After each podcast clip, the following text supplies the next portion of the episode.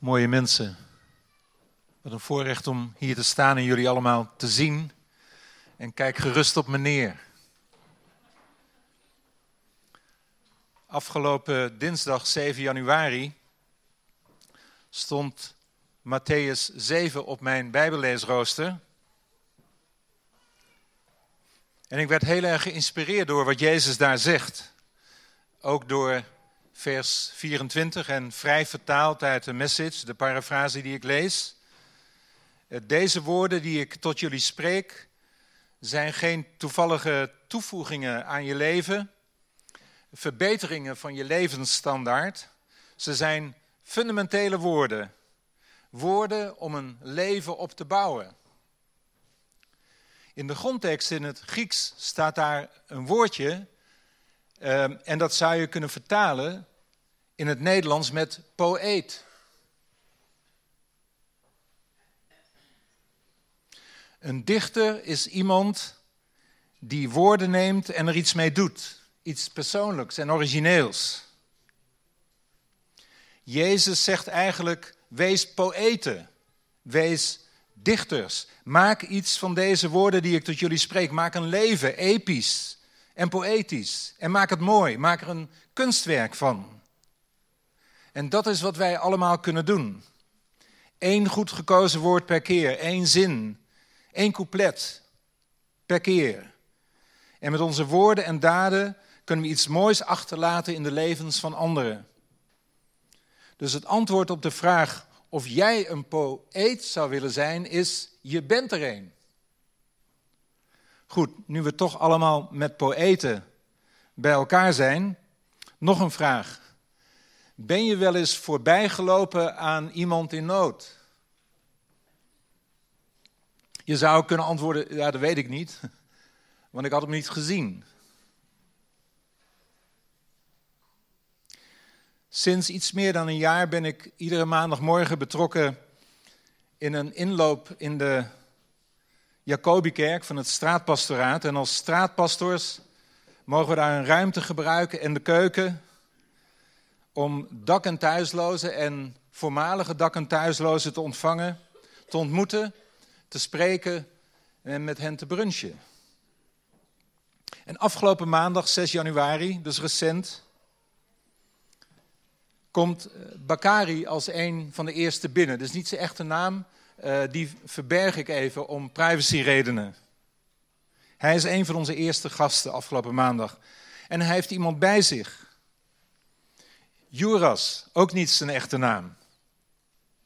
En Bakari heeft die morgen met Juras in Hoog afgesproken om samen naar de inloop te komen. En onderweg naar de inloop valt Bakari op straat en hij bezeert zijn hand. Hij is oververmoeid na de zoveelste nacht buiten. Bakari zelf is heel lang dakloos geweest en woont sinds een tijdje in Overvecht. Hij heeft een dak boven zijn hoofd. Hij is Somaliër. Hij wacht nog op een verblijfsvergunning en een van de voorwaarden is dat hij dit jaar geen geweld gebruikt. Hij stelt Joris aan mij voor en zegt: Jij moet met hem praten. Zo gaat dat. Juras is een Litouwer. Litouwers kennen jullie wel. Hij is naar Nederland gekomen om te werken in de Betuwe, maar is na een aantal maanden daar zijn werk kwijtgeraakt en naar Utrecht gekomen in de hoop uh, daar nieuw werk te vinden en onderdak. Hij vertelt mij dat hij een afspraak heeft bij Barca, dat is een organisatie die met name Oost-Europeanen helpt. Maar we verbinden eerst zijn hand, omdat hij bloedt. En hij vertelt me dat hij niet bij Sleep In terecht kan, omdat het telkens vol is. Hij staat dan op een wachtlijst en moet zich elke dag melden. Maar uiteindelijk uh, wordt gezegd het is vol. En dan slaapt hij buiten op straat. Als ik hem vraag wat hij graag zou willen, zegt hij terug naar Litouwen en mijn vrouw en mijn twee kinderen. En als ik dan vraag, waarom doe je dat dan niet? Dan zegt hij, ik ben blut.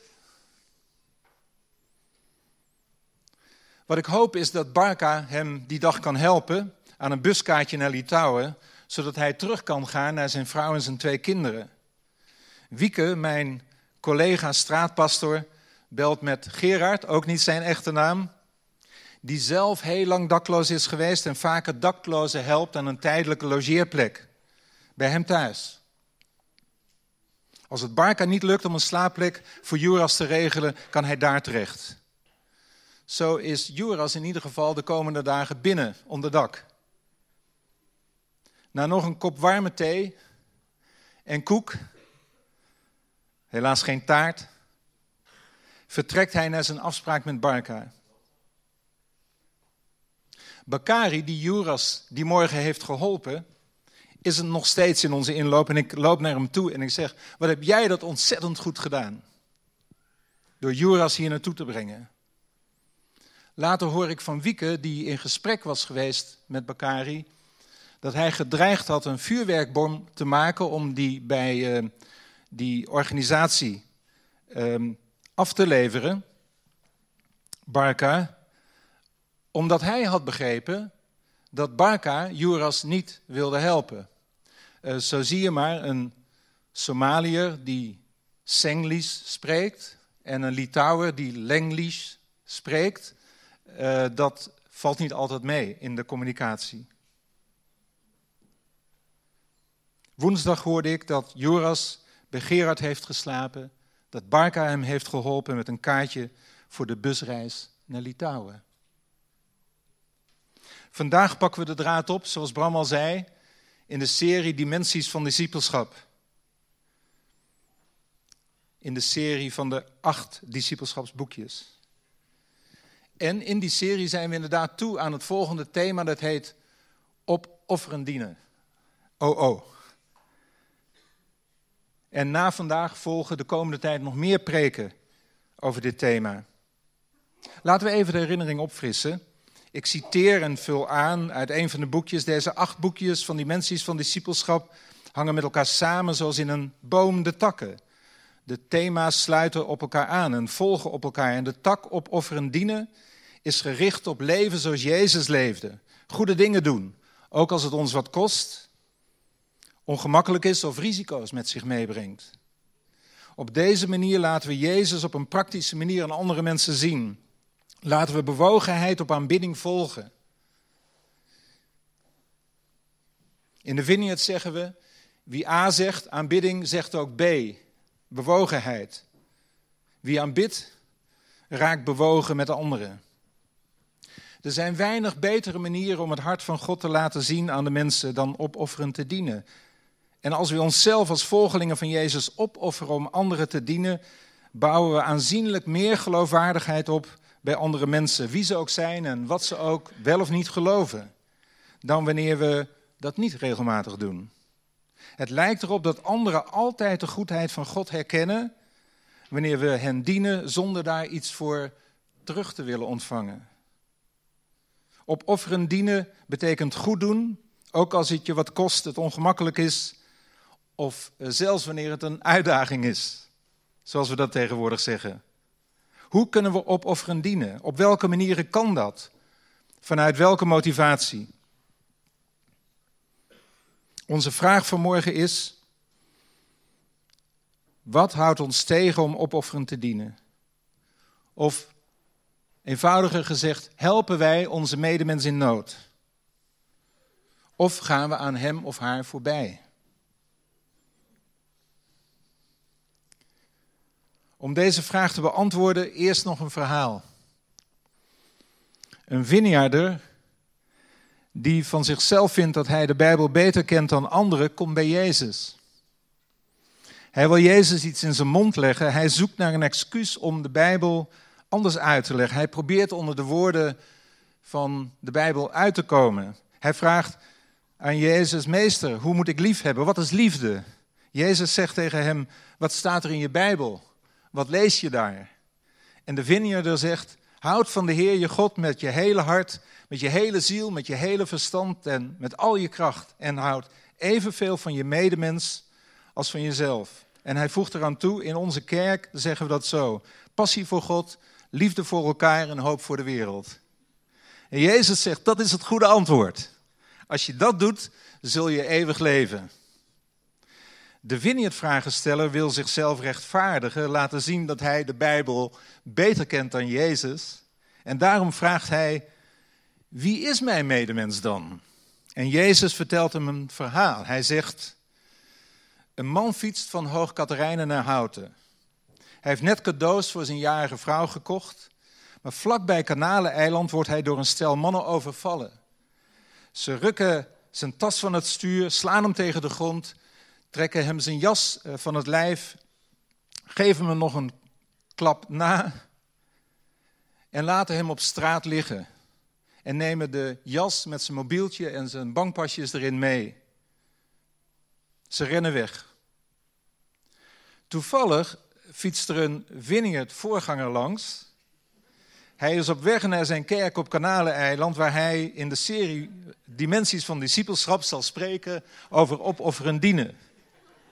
Hij ziet de man wel liggen, maar steekt de straat over en loopt aan de overkant voorbij. Stel je voor dat hij te laat zou komen voor de bidstond voor de kerkdienst. Even later komt er een andere Vineyard kerkganger langs en gebeurt hetzelfde. Hij wil niet te laat komen voor de dienst waar het gaat over opofferen dienen. Hij is die dag eh, deel van het serviceteam. Een goede manier om opofferen te dienen. Hij ziet de man wel liggen, maar loopt hem voorbij aan de overkant van de weg. Het verwondert de Vineyard vragensteller niet dat de Vineyard voorganger en de Vineyard kerkganger niet helpen. Eerlijk gezegd had hij dat wel verwacht. Het duurt even voordat er weer iemand langskomt. De Vineyard-vragensteller denkt: Oh, nu gaat Jezus mij in het verhaal opvoeren en laten zien dat ik wel help. Maar het is een moslim, een Marokkaan, die in Kanaleneiland woont. Hij ziet de man liggen, heeft met hem te doen, gaat naar hem toe, knielt bij hem neer en ziet hoe hij is toegetakeld. Hij helpt hem overeind, tilt hem over zijn schouder legt hem op de achterbank van zijn eigen auto en brengt hem naar de huisartsenpost van het diakonessenhuis. Daar blijft hij bij hem tot hij zeker weet dat de artsen en verpleegkundigen goed voor hem zullen zorgen. De volgende dag gaat hij terug naar het ziekenhuis, helpt de man aangifte te doen van de overval bij de politie, vraagt naar zijn adres, eh, belt met zijn gezin. Hij helpt met het blokkeren van zijn gestolen bankpasjes met de aanschaf van een nieuw mobieltje en bezoekt het gezin van de gewonde man in Houten. Onderweg koopt hij bloemen en doet hij boodschappen voor het gezin. Hij houdt contact met de man tot hij uit het ziekenhuis ontslagen wordt en weer naar huis kan. De man is onder de indruk van de Marokkanen en is zeker van plan de God van de moslims te leren kennen en om een keer naar de moskee te gaan. Net als de arts en de verpleegkundige van de huisartsenpost in het ziekenhuis. Jezus vraagt de Vineyard-vragensteller, wat denk je? Wie is de medemens van de man die overvallen is? En de Vineyard-voorganger, de Vineyard-kerkganger of de moslim-Marokkaan? De Vineyard-vragensteller kan het woord moslim-Marokkaan niet over zijn lippen krijgen en zegt de man die zich over hem ontfermde. En Jezus zegt, doe dan voortaan net als hij. Je hebt natuurlijk het verhaal, de gelijkenis van de barmhartige Samaritaan herkend. Ik heb geprobeerd de gelijkenis opnieuw te vertellen, alsof het vandaag gebeurd is, zodat je hem als het ware voor het eerst hoort in je eigen context. Kijk, en net als met een grap is het geen goed idee om hem uit te leggen, om achteraf te zeggen waarom je had moeten lachen of boos had moeten zijn. Goed, een grap uitleggen is geen goed idee, maar we kunnen wel op het verhaal reflecteren en kijken wat het ons vandaag te vertellen heeft. Laten we daarom teruggaan naar de kernvraag van vandaag, van opofferen dienen. Helpen wij onze medemens in nood? Uit de gelijkenis blijkt dat het zien van de medemens in nood niet het probleem is. Iedereen had hem gezien. Toch? Waar hangt het dan vanaf? of wij wel of niet in actie komen? Het antwoord is dat we kunnen opofferen dienen, onze medemens in helpen, door uh, korte metten te maken met uh, onze vragen, onze vooroordelen en onze haast. Eerst korte metten maken met onze vragen. Ik heb de gelijkenis van de barmhartige Samaritaan uit Lucas 10, vers 25 tot 37 niet uh, voor jullie gelezen. Misschien valt jullie dat tegen, je mag dat thuis doen. Ook als voorbereiding voor je huisgroep van deze week. En er verder met elkaar over spreken. Opmerkelijk in de gelijkenis is dat de vraag die Jezus uh, van de fariseeër krijgt, door hem niet wordt beantwoord zoals hij door de fariseeër is gesteld.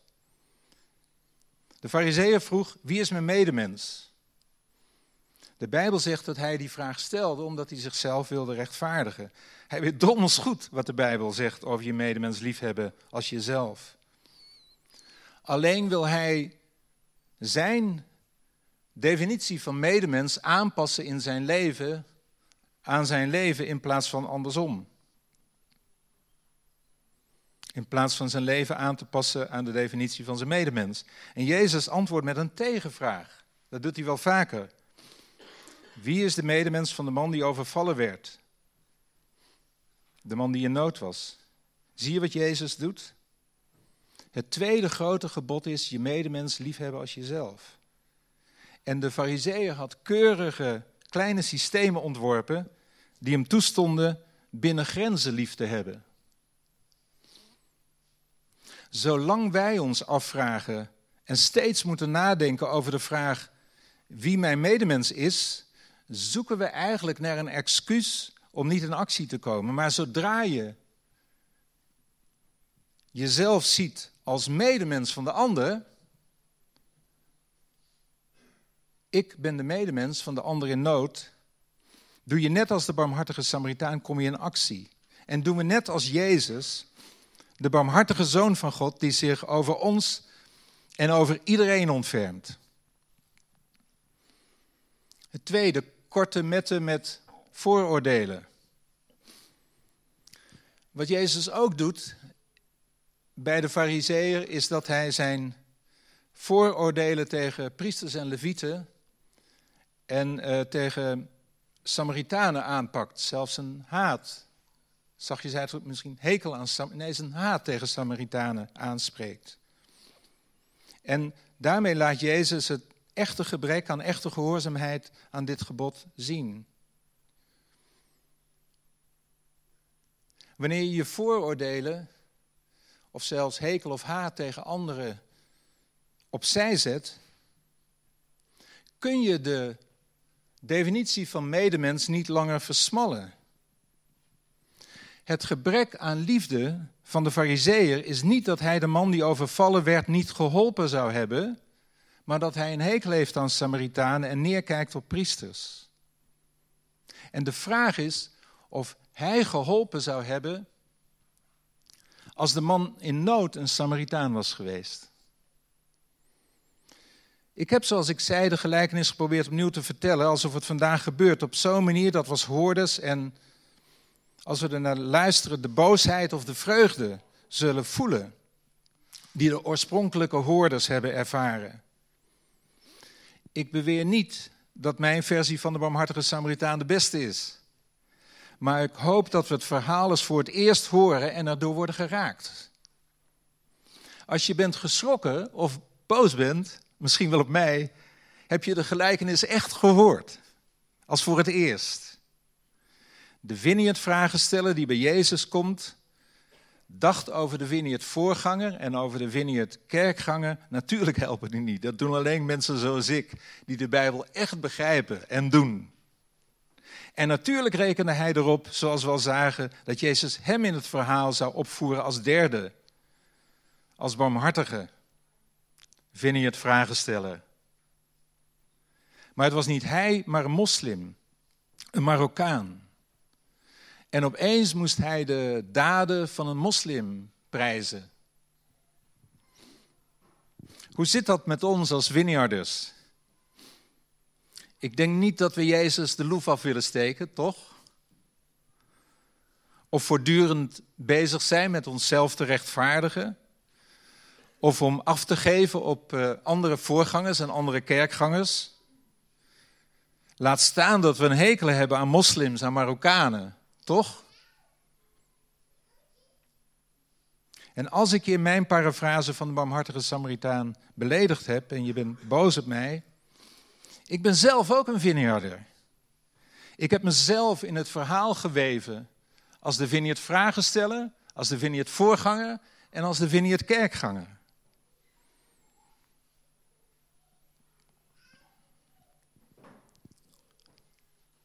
Dan korte metten maken met onze haast.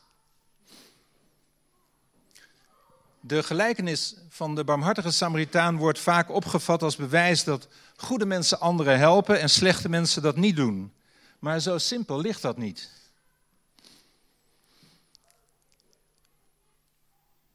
Ik las dat in 1973 40 studenten van eh, Princeton Theologisch Seminarie deelnemen aan een experiment dat schijnbaar heeft te maken met theologie en roeping.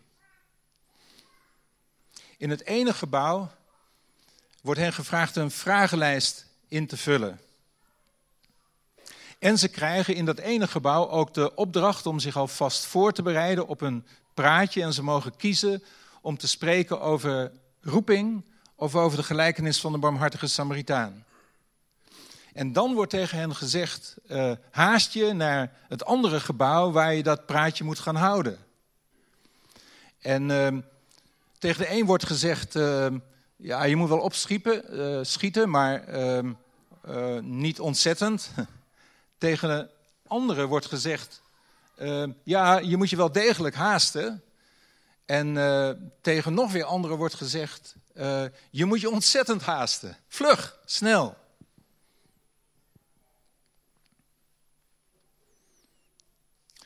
En op weg van het ene naar het andere gebouw ligt een eh, slachtoffer, een acteur die daarvoor is ingehuurd. Eh, blijkbaar voorovergevallen in de greppel naast het pad. En hij heeft duidelijk hulp nodig. En de vraag is of de deelnemers hem zullen helpen. Wat denk je? De onderzoekers komen erachter dat het niet uitmaakt of ze de opdracht hebben gekregen om eh, te gaan spreken in het andere gebouw over roeping of over de barmhartige Samaritaan. Ze helpen evenveel of even weinig. Maar de haastfactor is doorslaggevend. Hoe meer haast de studenten hebben, en is dat opgedragen, hoe minder ze geneigd zijn om de man in nood te helpen, namelijk 1 op 10. 1 op 10 van hen die zeer grote haast hebben, bieden hulp aan het slachtoffer. De leidende acteur, die blijkbaar erg leidt onder zijn lot om juist op deze theologische opleiding de act op te voeren. En zij die minder haast hebben, bieden meer hulp. Zelfs tot 63 procent. Laten we zeggen, twee op de drie. We hebben de neiging, ik tenminste, om karakterlabels op mensen te plakken voor wat ze wel of niet doen. Terwijl we geen rekening houden met de situatie, die ook je gedrag beïnvloedt. En we moeten heel goed nadenken voordat we te hard oordelen over anderen of zelfs over onszelf, over onze daden en ons gedrag.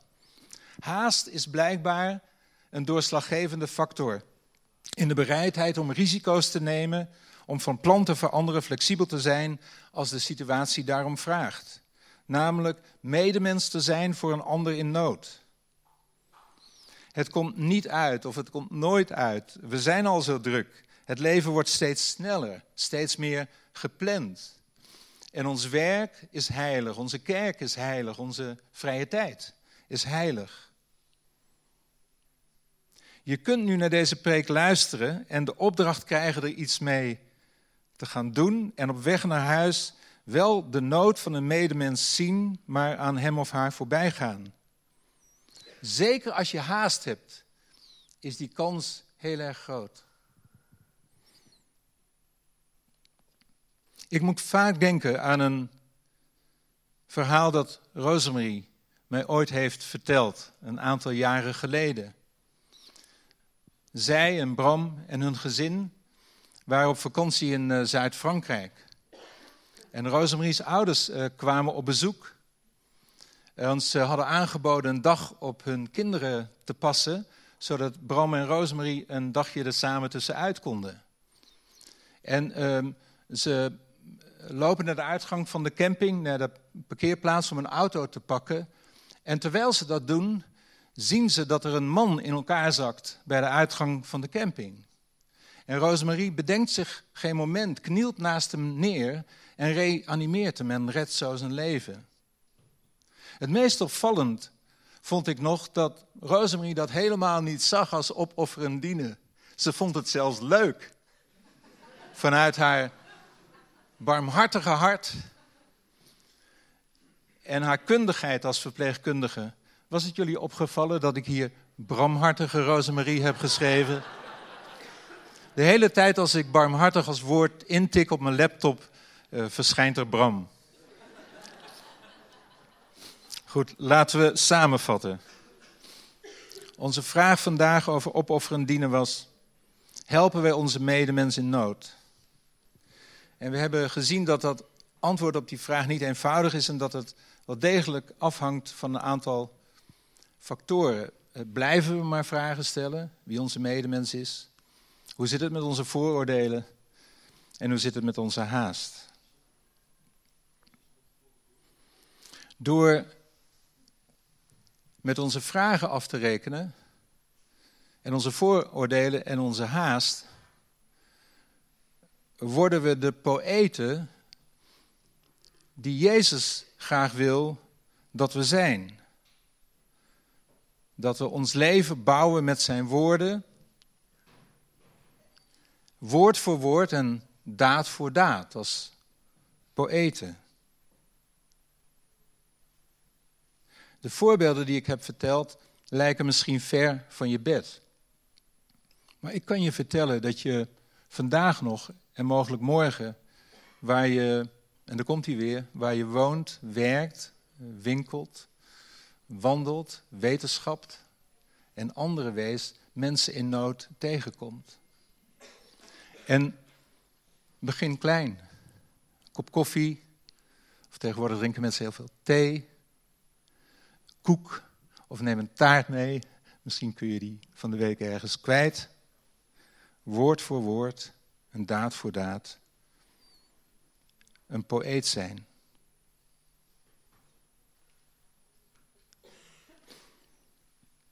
Wanneer wij een medemens in nood ontmoeten, zegt Jezus in Matthäus 25, ontmoeten we Hemzelf. Zullen we gaan staan?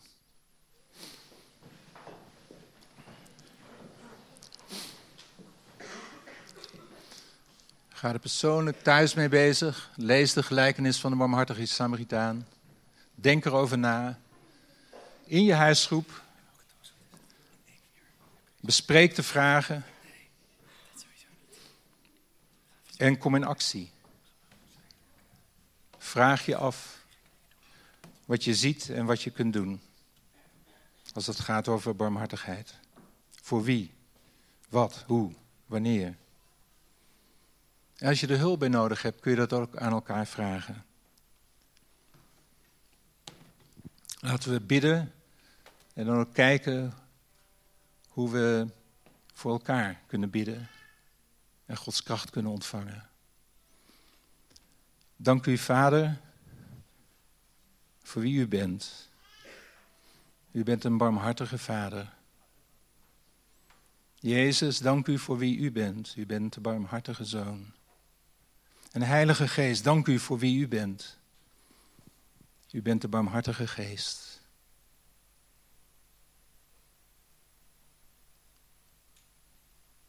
En hier staan we voor u. Met onze vragen, met onze vooroordelen, met onze haast. En we geven die aan u. We geven onszelf over aan u. En onze neiging om vragen te blijven stellen en onze vooroordelen en onze haast. Neem het, Heer.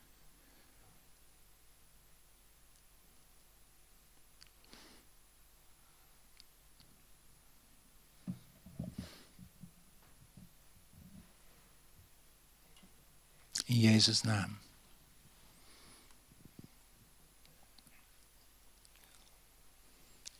Kom, Heilige Geest.